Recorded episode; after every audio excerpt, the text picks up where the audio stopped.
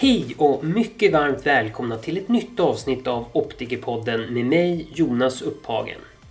Nu har säkert alla i optikbranschen hört nyheten om att Optikmässan i Kista som var planerad till 27 till 28 augusti nu är inställd som en följd av den rådande covid-19 pandemin. Optikmässan flyttar istället till den 15 till 16 januari 2021. Som plåster på såren kommer jag denna månad publicera ett avsnitt som spelades in på optikmästaren i Kista 2019. Detta är ett ej tidigare publicerat avsnitt med optiker Oskar Johansson. Oskar är universitetslärare i optometri vid Linnéuniversitetet i Kalmar och kommer bland annat prata om ett projekt i Västafrika som Oskar har valt att engagera sig i. Så med hopp om att ni ändå ska få en smakbit av Optikmässan även i år så kommer här en inspelning med optiker Oskar Johansson inspelat på Optikmässan i Kista 2019. Då kör vi!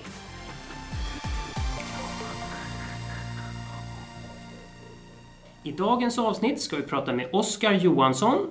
Oskar är universitetslärare i optometri vid Linnéuniversitetet i Kalmar och legitimerad optiker med kontaktlinsbehörighet och arbetsmedicin. Oskar har även valt att engagera sig i ett projekt i Västafrika som jag skulle vilja veta lite mer om. Så att nu säger jag välkommen till Optikerpodden Oskar. Tack så mycket.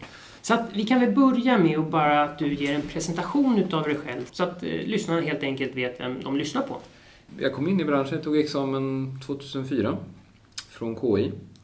Verkade ju som ordförande i Kaustika under flera år. Så jag hade ju hand om lite inspark och grejer som hade hand om dig också. Ja, det stämmer. Eh, det minns jag mycket väl. Nej, men jag eh, tog examen 2004 från KI. Eh, och sen så, men jag började faktiskt som assistent redan ganska direkt. Eh, jag fick chans att, jobba som assistent på eh, Cityoptik på Drottninggatan i Stockholm. Som nu har blivit utsedd till årets butik, någon, eller jag vet inte, flera gånger eller? Minst en gång. Minst en gång, precis. Men det var innan eh, tjejerna där tog över. Eh, och Björn ägde det fortfarande, men de jobbade där. Eh, men då fick jag chans att jobba där och det var ju suveränt. Så jag tycker, de, de, det är mina mentorer i att jobba i butik. Över, överhuvudtaget. Eh, men sen fick jag chansen att flytta över till eh, Din syn i Kista. Och det var klockrent för att som student och, och komma ut i Kistagallerian och jobba var fjärde helg. Det var ganska bra extra inkomst. Och sen var jag kvar där och sen så till slut så kände jag att efter examen att, att Stockholm började bli för mycket. Så då flyttade jag tillbaka till mina gamla hemtrakter, till Örebro-trakten. Och eh, fick jobb på Synsam, Holmqvist Optik där. Och det är ett fantastiskt ställe att vara på också för att eh, det var så pass stort och jag fick göra lite vad jag ville. Framförallt när det gäller eh, GP-linser och speciallinser och sånt. Så att då fick jag, det finns, min mentor där blev en, det finns en fantastisk, eller jag vet inte om han jobbar längre, men Gunnar Gyll heter han. Han var välkänd i branschen av de som har jobbat tidigare och, och, han var Ja, det var kul att få jobba under honom och låta honom lära mig om GP-linser och de bitarna. Så jag har till och med polerat GP-linser. Okay. Och det är nog inte så många som faktiskt har tagit examen efter 2004-2005 som faktiskt har gjort. Men det är klart, nutidens linser går inte att polera. Så att Sen så hamnade jag efter eh, lite på olika sätt till, till högst, dåvarande högskolan i Kalmar och fick chans att börja jobba som lärare. Ehm, lite efter att jag faktiskt hade, jag fick, jag fick eh, Sveriges kontaktlinsförenings stipendium när jag, som för mitt examensarbete. Eh, och då eh, åkte jag till American Academy 2005. Som var i San Diego det året och då, där så var Jörgen Gustafsson och Peter Giro eh, råkade jag ramla på. Jag åkte dit helt själv. Jag eh, hade ingen aning om att någon mer svensk var där överhuvudtaget. Eh, så att, eh, och då började vi prata en massa och så pratade vi mer och eh, så började de slänga ur sig förfrågningar om det var att jag ville komma och, ner till Kalmar. Men då, då blev det, vid 2008 kändes det som att då, då var det läge. Då hade jag, kände jag mig lite mer varm i kläderna som optiker och så. Ja, det känns konstigt att gå direkt från liksom bara jobbat något år och gå som, till som lärare. Så jag är väldigt glad att jag jobbade några år i alla fall. Okej. Och fick samla på mig lite erfarenhet när jag kom ner. Men sen har jag varit där nere, mer eller mindre sedan dess. Och eh, var iväg en sväng ifrån, eh, för jag ville, kändes, jag var väldigt osäker på om jag ville fortsätta eller inte. Eh, så att jag, då flyttade vi därifrån, jag och min fru från Kalmar, faktiskt upp till en liten bondgård i, utanför Örebro, där jag är uppväxt. Jag ville göra mig av med min ångest om, om jag skulle ta över pappas mjölkgård eller inte. Så jag kom fram till att jag inte ville bli mjölkbonde. Eh, Och då passade jag på, eller då fick jag, jobbade jag på sjukhuset också, på ögonkliniken. En kort period och konsultade lite grann. Men det, det, det var också väldigt intressant för att jag har insett nu efteråt att 2012 var det inte jättemånga optiker som jobbade på ögonklinik. Mm. Och det är ändå inte jättelänge sedan. Jag tycker inte alls länge sedan, men det kan väl bero på att jag fick barn samtidigt. Så att jag tycker att sju år är ingen tid alls. Men det är ju relativt lång tid ändå. Men eh, det har hänt väldigt mycket på sju år. Och just det här, bara, det, det har exploderat i hur, hur många som jobbar på sjukhus, optiker. Eh, då när jag började där så visste de ju inte vad de skulle göra med mig. Och det var väl, så det var väl bra att jag kom dit och berättade vad vi kunde göra som optiker. Jag vet, jag satt med, med klinikchefen någon gång och hon ifrågasatte varför jag skulle använda fluorescin överhuvudtaget. Det är så här, man kan inte tillpassa en kontaktlins utan fluorescin. Men hon tyckte att ja, det, det kan ge problem. I och med att om du, du kan ju få anafylaktisk chock och grejer när, om du, när du sprutar in det i blodet. Så man måste vara försiktig med det. Men, eh, eh, men jag tycker att utanpå borde inte vara, och med tanke på hur länge optiker har använt det också i GP-tillpassning. Så. att- Och då var det tanken att jag skulle hålla på med speciallinser och, och sådär. Men eh, jag blev mer en oftalmologitekniker som de kallar det. De som refraktionerar och så. Det, äh, det passade inte mig. Plus att jag behövde gå hem för min fru blev sjukskriven när vi fick vårt första barn. Så, att, eh, så då fick jag vara hemma och vara barnledig istället. Och sen efter några år insåg vi att vi saknade Kalmar för mycket så då flyttade vi tillbaka. Efter ett tag så behövde de mig på universitetet igen och sen så, så nu är jag tillbaka. Vilka ämnen är det som du föreläser inom på universitetet? Jag, jag har ganska mycket. Eh, Jag har både från liksom det grundläggande, ehm, det beror, eller beror på hur, från vilket håll man tittar. Tittar man läsårsmässigt eller tittar man Eh, kronologiskt? Men tittar man på kronologiskt, vilket det kanske är enklare egentligen för min egen del att berätta, så är jag med när ettorna börjar. Liksom, jag, jag har hand om, om första, liksom, när de lär sig refraktion och de bitarna. Eh, Jag är med i verkstadskursen. På något sätt, verkstaden ligger mig ganska varmt om hjärtat och jag är väldigt glad att vi fortfarande har den kvar eh, i, på, i Kalmar. Eh, vi får liksom inte glömma bort vårt arv. Eh, många siktar väldigt mycket framåt att, att vi, vi ska jobba ännu mer kliniskt och jag håller med på ett sätt. Men samtidigt får vi inte glömma var vi kommer ifrån heller. Och sen så att det håller jag på med. Sen håller jag på mycket med kontaktlinserna med den, de, den kursen. Och det som jag kanske gör eh, som är mitt, börjar bli mer, mer och mer mitt specialområde är synergonomin.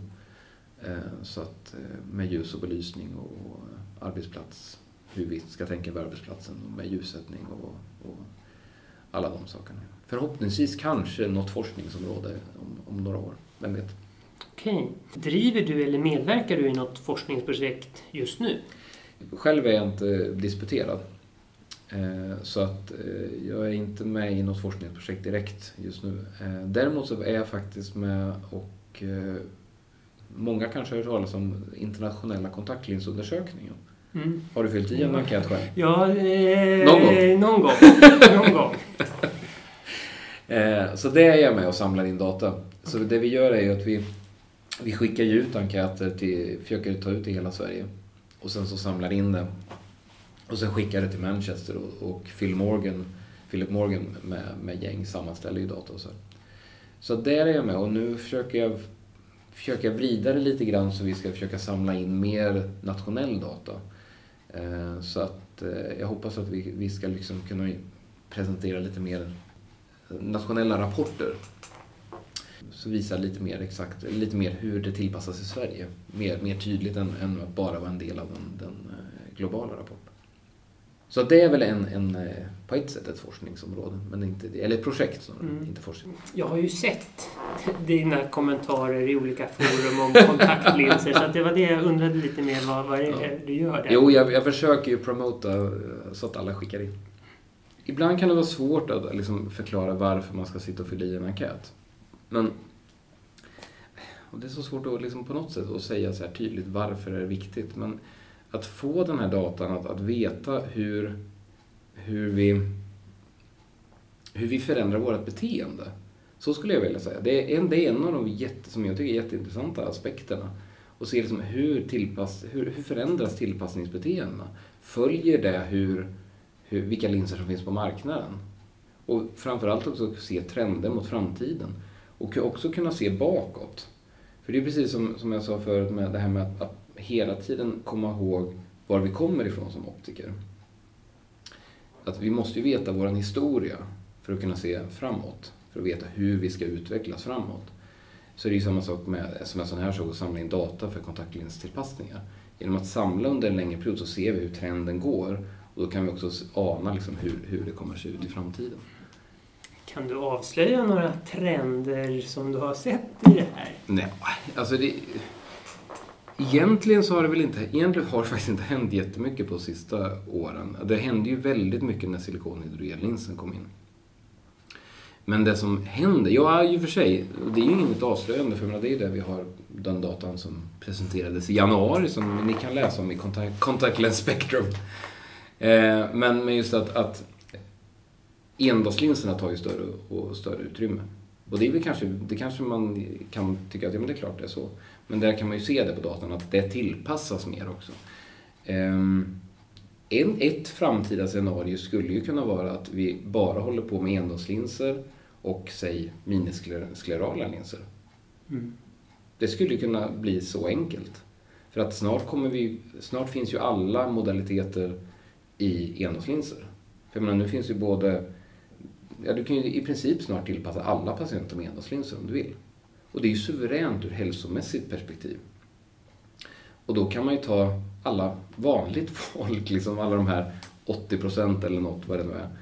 Eh, eller om det är mindre, hur som. Men de kan man ju ge endagslinser. För jag menar, du är hälsomässigt bättre, det är enklare, det är lättare att ge, ge instruktioner. Och sen så de som kräver lite mer vård, lite, liksom har svårare synfel, då kan man ge en miniskleral lins. Eller, just för att en stabil lins är, är ju också hälsomässigt mycket bättre än en månadslins. Men sen är det också, jag ty, det jag tycker är så intressant det är ju att jämföra mellan våra närmaste eh, länder eh, och se liksom hur, hur vi tillpassar. Varför tillpassar vi olika? Vad finns det för skillnad? Och det, det är väl det jag hoppas jag kunna titta lite närmare på här. Eh, för att om någon har fyllt i en enkät och skickat in så kanske eh, ni såg att, att vi har lagt med landsting. Vi borde ha skrivit regioner. För att vi, sen första januari så ju, har vi ju inga landsting längre, vad jag har förstått. Så att jag, jag hoppas kunna med årets data börja titta lite grann på hur tillpassar vi inom Sverige. För vi är ju ett väldigt avlångt mm. land. Eh, och vi har ju väldigt många olika typer av klimat. Eh, och det, det, ska bli intressant att se om vi ser någon trend på, liksom, är det mer av någon sort uppe i norr gentemot söder? Är det någon skillnad i storstadsregionerna gentemot landsbygd eller så vidare? Och allt sånt kan man ju då... Alltså det handlar ju bara om att lägga upp datan på rätt mm. sätt. Jag förstår. Eh, men du kan väl berätta lite mer om det här projektet? Jag har ju sett dig på Facebook och du frågar efter instrument. Du, du är engagerad i någon, ja, någonting i Västafrika. Jag vet ja. inte alls så mycket. Vad är det för någonting? Nej, eh, det blev av, av, nästan, inte riktigt av en slump, men på ett sätt. För att jag, jag känner de som, som jag har varit med och hjälpt sedan några år tillbaka. Det heter Bertil och Ingrid Johansson som eh, de har verkat i, landet heter Burkina Faso. Och de har varit där sedan slutet på 70-talet tror jag. För att eh, de ville starta en, en eh, pastorsutbildning, en bibelskola. Tillsammans med att eh, verka för att få, få trädplantering, få bukinerna att förstå att ni behöver plantera de träd som ni hugger ner också. För att det, var, det finns flera folkslag i, i, i Burkina, men några av dem, så träden är heliga. Så att du var ju tvungen att hugga ner det för att få ved för att kunna laga mat. Men du fick inte plantera nya träd. För, de, för det fick man liksom inte göra. Det var, det var, då kunde man få någon ond andis eller något sånt där. Så då fick de verka för att få dem att förstå att nej men, det, det händer ingenting om du planterar ett träd, det blir bara bra. Eh, så det tillsammans med att då har de skapat en kombinerad eh, pastorsutbildning och, och eh, jordbruksskola. Så att pastor, de som läser till pastor, då, då, när de kommer hem till sina byar Eh, och ska verka i en församling och sånt, då har de både en, en jordbruksutbildning och, och en, en bibelutbildning. Vilket är suveränt i liksom att få det att fungera. Eh, så de har verkat där i en liten by som heter Banakeledaga. Och den här Bertil han, han är en väldigt karismatisk spännande människa. Han slängde ur sig för, det är väl ett och ett halvt år sedan bara egentligen. Att Oskar, kan inte du ordna en, en, en slipmaskin? För att 2016 tror jag det var, då invigde de eh, ett sjukhus där.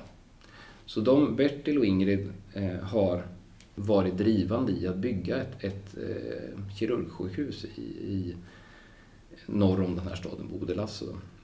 För den här staden Bodelasse är, det är en miljonstad och det finns bara ett sjukhus i staden. Och de såg liksom ett stort behov av, av vård.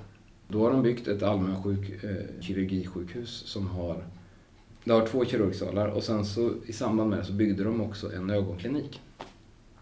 Så att de, eh, för de insåg ju behovet av, av ögonkirurgi och framförallt kataraktkirurgi också.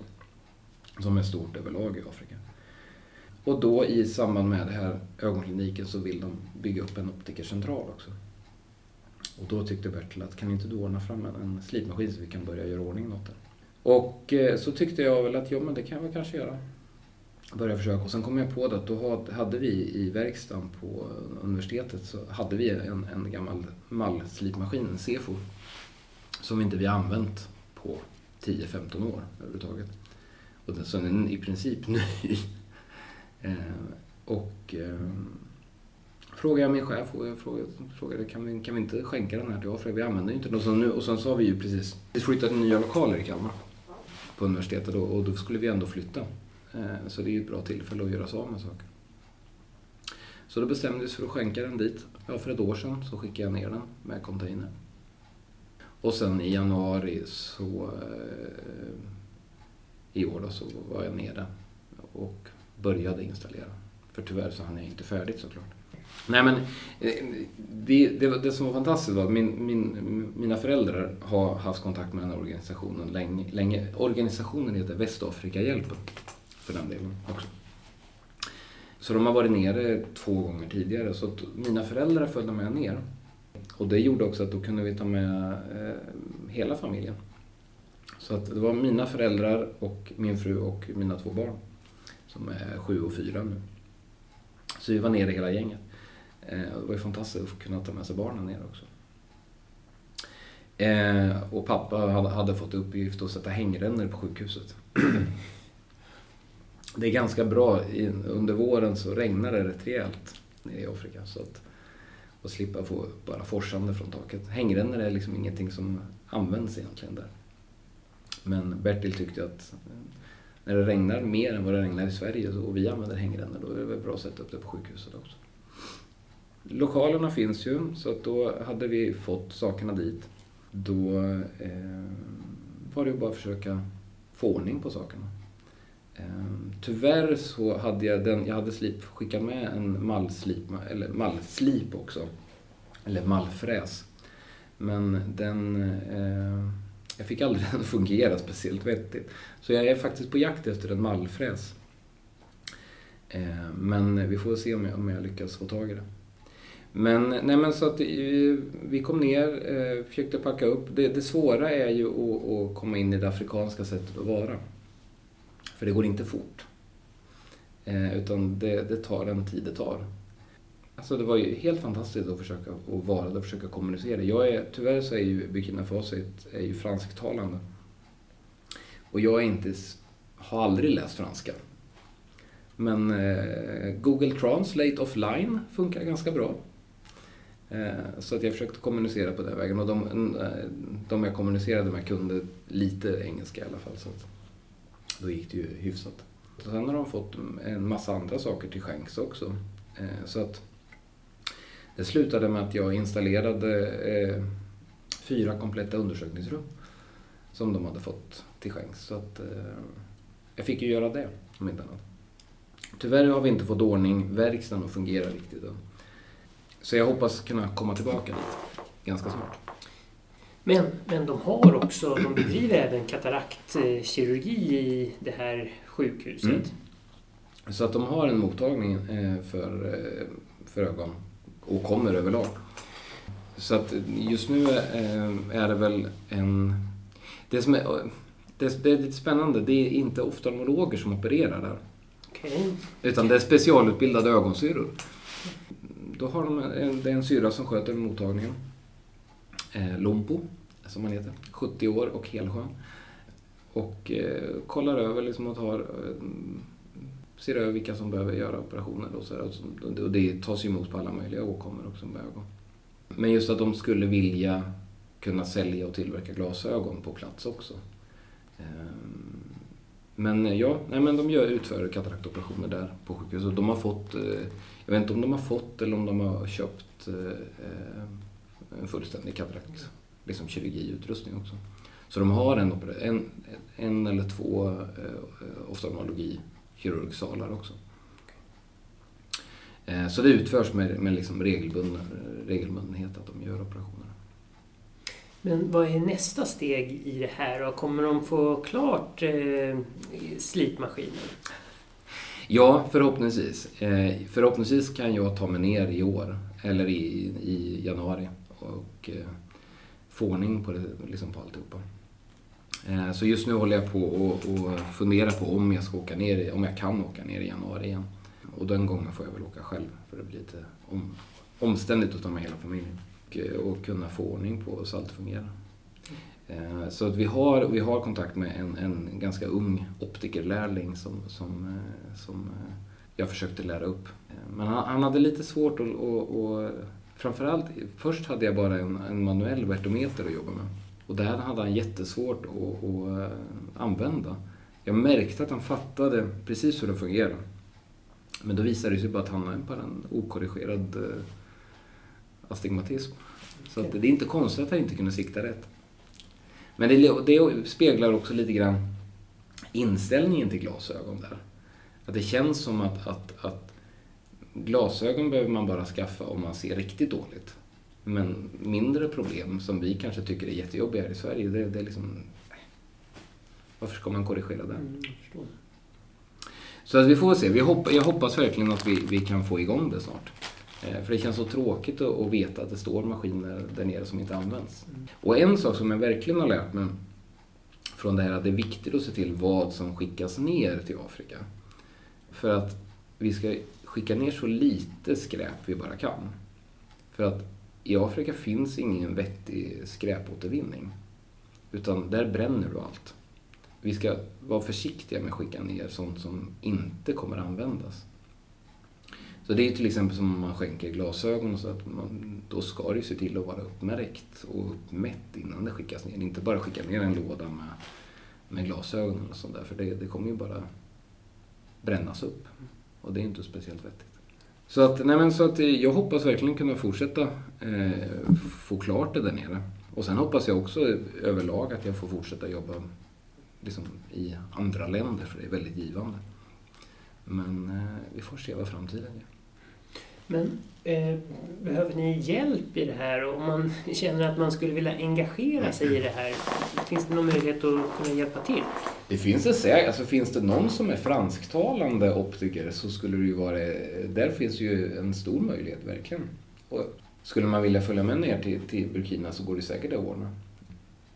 Det som är lite tråkigt är att, att, att Burkina har fått ganska mycket... Eh, det har blivit mycket oroligare bara sista året.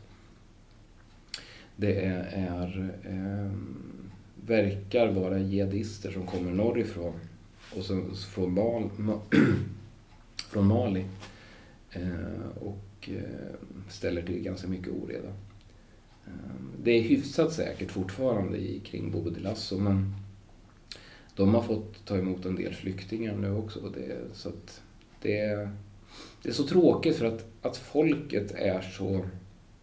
Burkinerna är så stolta. Det är ett så fantastiskt vackert och stolt folk. Och sen så att, att och, de har, och de har haft lugnt ganska länge ändå. Eh, och sen så nu börjar folk bara bråka. Det, det känns, så, det känns så tråkigt. Under våren har det varit ganska ordentligt oroligt på vissa ställen. Men, men det tror jag säkert. Är det någon som skulle vilja, som framförallt om man kan franska vore ju suveränt. Mm. Eh, och kanske om man eh, är intresserad av, av synsags, alltså kan hjälpa dem som, som ser, har svagsynsproblem. Eh, vi skickade med ganska mycket svagsynsutrustning ner faktiskt nu senast. Så det finns mycket förstoringsglas där nere. Eh, för det, det används ju inte, men jag försökte förklara för dem att jag menar, har ni någon som bara behöver se bättre på nära håll så finns det ju alla möjligheter till att ge ut det. Så att um, är det någon som är intresserad så kan de ju bara höra av sig. Så kan jag definitivt förmedla kontakten. Mm. Är det någonting annat som du vill tillägga i det här som också du känner att du inte har fått fram? Har någon en, en eh, vettig mallslipmaskin som fungerar så får de gärna höra av sig till mig. Eh, för det vore bra, alltså inte slipmaskin utan en mallfräs. För att... Eh, eller om någon har en slipmaskin, även om den är alltså en, en modernare så, med avläsare och allt, så då skulle vi gärna ta emot det också, absolut. Ja, men då får vi se här om, om vi får någon napp på slipmaskin och slipfräsar och allt vad du sa att du behövde där. Eh, nej men i sådana fall så säger jag tack Oskar för att du tog dig tid att prata med mig i Optikerpodden. Tack. Eh, och tack till alla lyssnare som valt att lyssna och jag hoppas att ni har lärt er någonting nytt. Och kom ihåg att ni gärna får prenumerera på Optikerpodden via Soundcloud, iTunes, Acast eller via Spotify så att ni inte missar några avsnitt. Och sist men inte minst, tack till min samarbetspartner Optikerförbundet som hjälper till i skapandet av Optikerpodden. Vi hörs!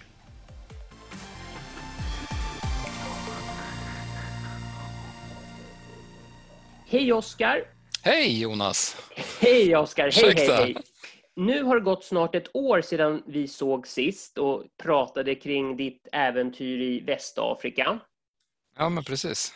Kan du ge oss en kort uppdatering om vad som har hänt sen sist? Ja, absolut. Det gick ju inte riktigt som jag hade tänkt mig, eh, tyvärr, eh, i och med att det fortsatte vara väldigt oroligt nere i Västafrika. Så eh, jag har inte kommit tillbaka tyvärr. Eh, planen var att jag skulle åka i januari då nu i år. Men eh, i och med att det var så oro, oroligt så vågade vi inte åka ner. Sen kom ju covid-19 eh, och alla flygplatser är stängda. Så framförallt eh, Ouagadougou som huvudstaden heter i Burkina, eh, huvudstad, den, den flygplatsen är helt stängd så att eh, det, även de mina, de som jag jobbar ihop med, de, de, har inte kunnat vara där på ett tag nu heller såklart. Jag förstår. Men eh, annars så, eh, nu i somras däremot har det hänt lite grejer på Elar där. Vi fick tag i eh, Jenny Sand som jobbar på Specsavers. Hennes bror John Sand driver ett slott numera i, i, i Garpenberg och han hade drivit massa butiker i, i Stockholm tidigare så han sålde en, en Essilor-kappa till oss. Ehm, så det var trevligt. Ja, vad bra. Ehm, och så, så den är lastad i container här. Ehm, och eh, så har, vi köpt, har de köpt lite, en hel butiksinredning och, eh, och massa bågar som jag hjälpte till att sortera upp. Så att det kommer nog kunna bli så småningom en riktigt fin optikerbutik där nere. Ja, vad spännande. Jag håller mm. tummarna mm. för dig. Ja, tack. Eh, men en annan fundering som jag har också. Eh, nu har väl du kommit tillbaka från semestern och är tillbaka på Linnéuniversitetet? Ja, jag börjar idag. Okej. Okay. Eh, hur ser verksamheten ut i höst nu? Löper det på som vanligt eller är det några förändringar som ni har gjort på grund av coronapandemin? Ja, vi fick göra en rejäl omförändring i våras. I och med att vår rektor sa att nej, inga kliniska Eh, övningar får genomföras överhuvudtaget. Så, så eh, det, vi, vi, det var lite problematiskt. Man fick ju ta en årskurs i taget. Eh, treorna var inga problem för de hade börjat sina examensarbeten. Eh, och det vi fick göra där var ju säga att nej tyvärr får ni inte göra några kliniska examensarbeten. Eh, så att eh, de flesta gjorde, eller alla gjorde antingen jobbade med data som fanns eller eh, gjorde enkätstudier eller litteraturstudier. Så det gick ju ganska smärtfritt. Eh, sen tvåorna, de skulle ut på praktik och det hade väl kanske kunnat gått om, om inte alla butiker sa att de inte kunde komma. Så då fick vi ställa in praktiken eh, och den började, så de som börjar trean nu, de som var tvåor i, i, i våras, de börjar hösten nu med fem veckors praktik som de skulle ha gjort i maj egentligen. Eh, så att de i, istället för att då göra praktik så läste de den teoretiska delen av vår sista optometrikurs som kom, börjar här i, i augusti eller september egentligen. Och sen ettorna var väl egentligen det som blev den största grejen med för att de, de har ju inte gjort någon, någon, något med optometri överhuvudtaget så de har ju läst de grundläggande kurserna först.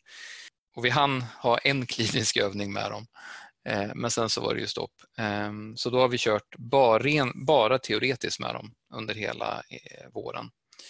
Och det var ju en utmaning i sig också. Studenterna tyck, har nog tyckt det varit ganska jobbigt. Ehm, framförallt känt en ganska stor otrygghet i och med att de inte haft oss mm, som kan förklara. Och det, jag menar, du kan ju tänka dig själv att det är ganska svårt att lära sig eh, optometri rent teoretiskt. Ja, eh, man måste ju göra det med händerna för att man ska liksom verkligen, för det ska sätta sig i ryggmärgen. Mm.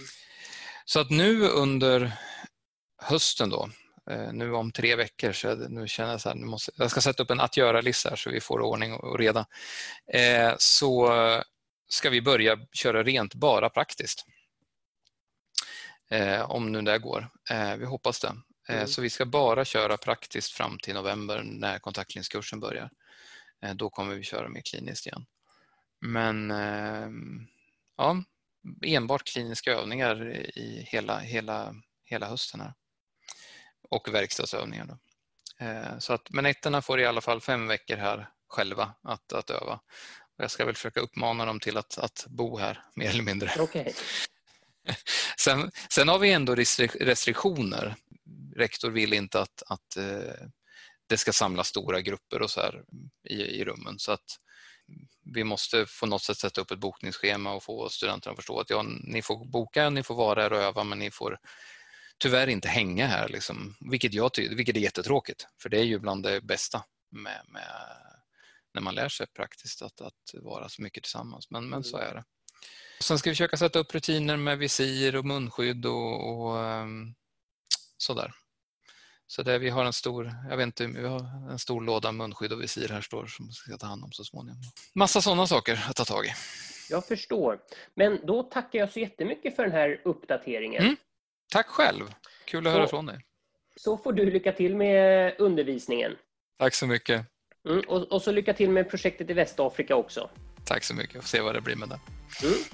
Men då får du ha en, en trevlig första arbetsdag idag då. Ja, tack. Du har redan jobbat ett tag antar jag. Nej, det, jag är tillbaka efter semestern också nu faktiskt. Men, men jag, jag jobbar ju lite hela tiden. Perfekt. Ja, men eh, tack så mycket eh, Oskar. Varsågod. Mm, ha det Vi gott. Hörs. Vi hörs. Hej då, hej då.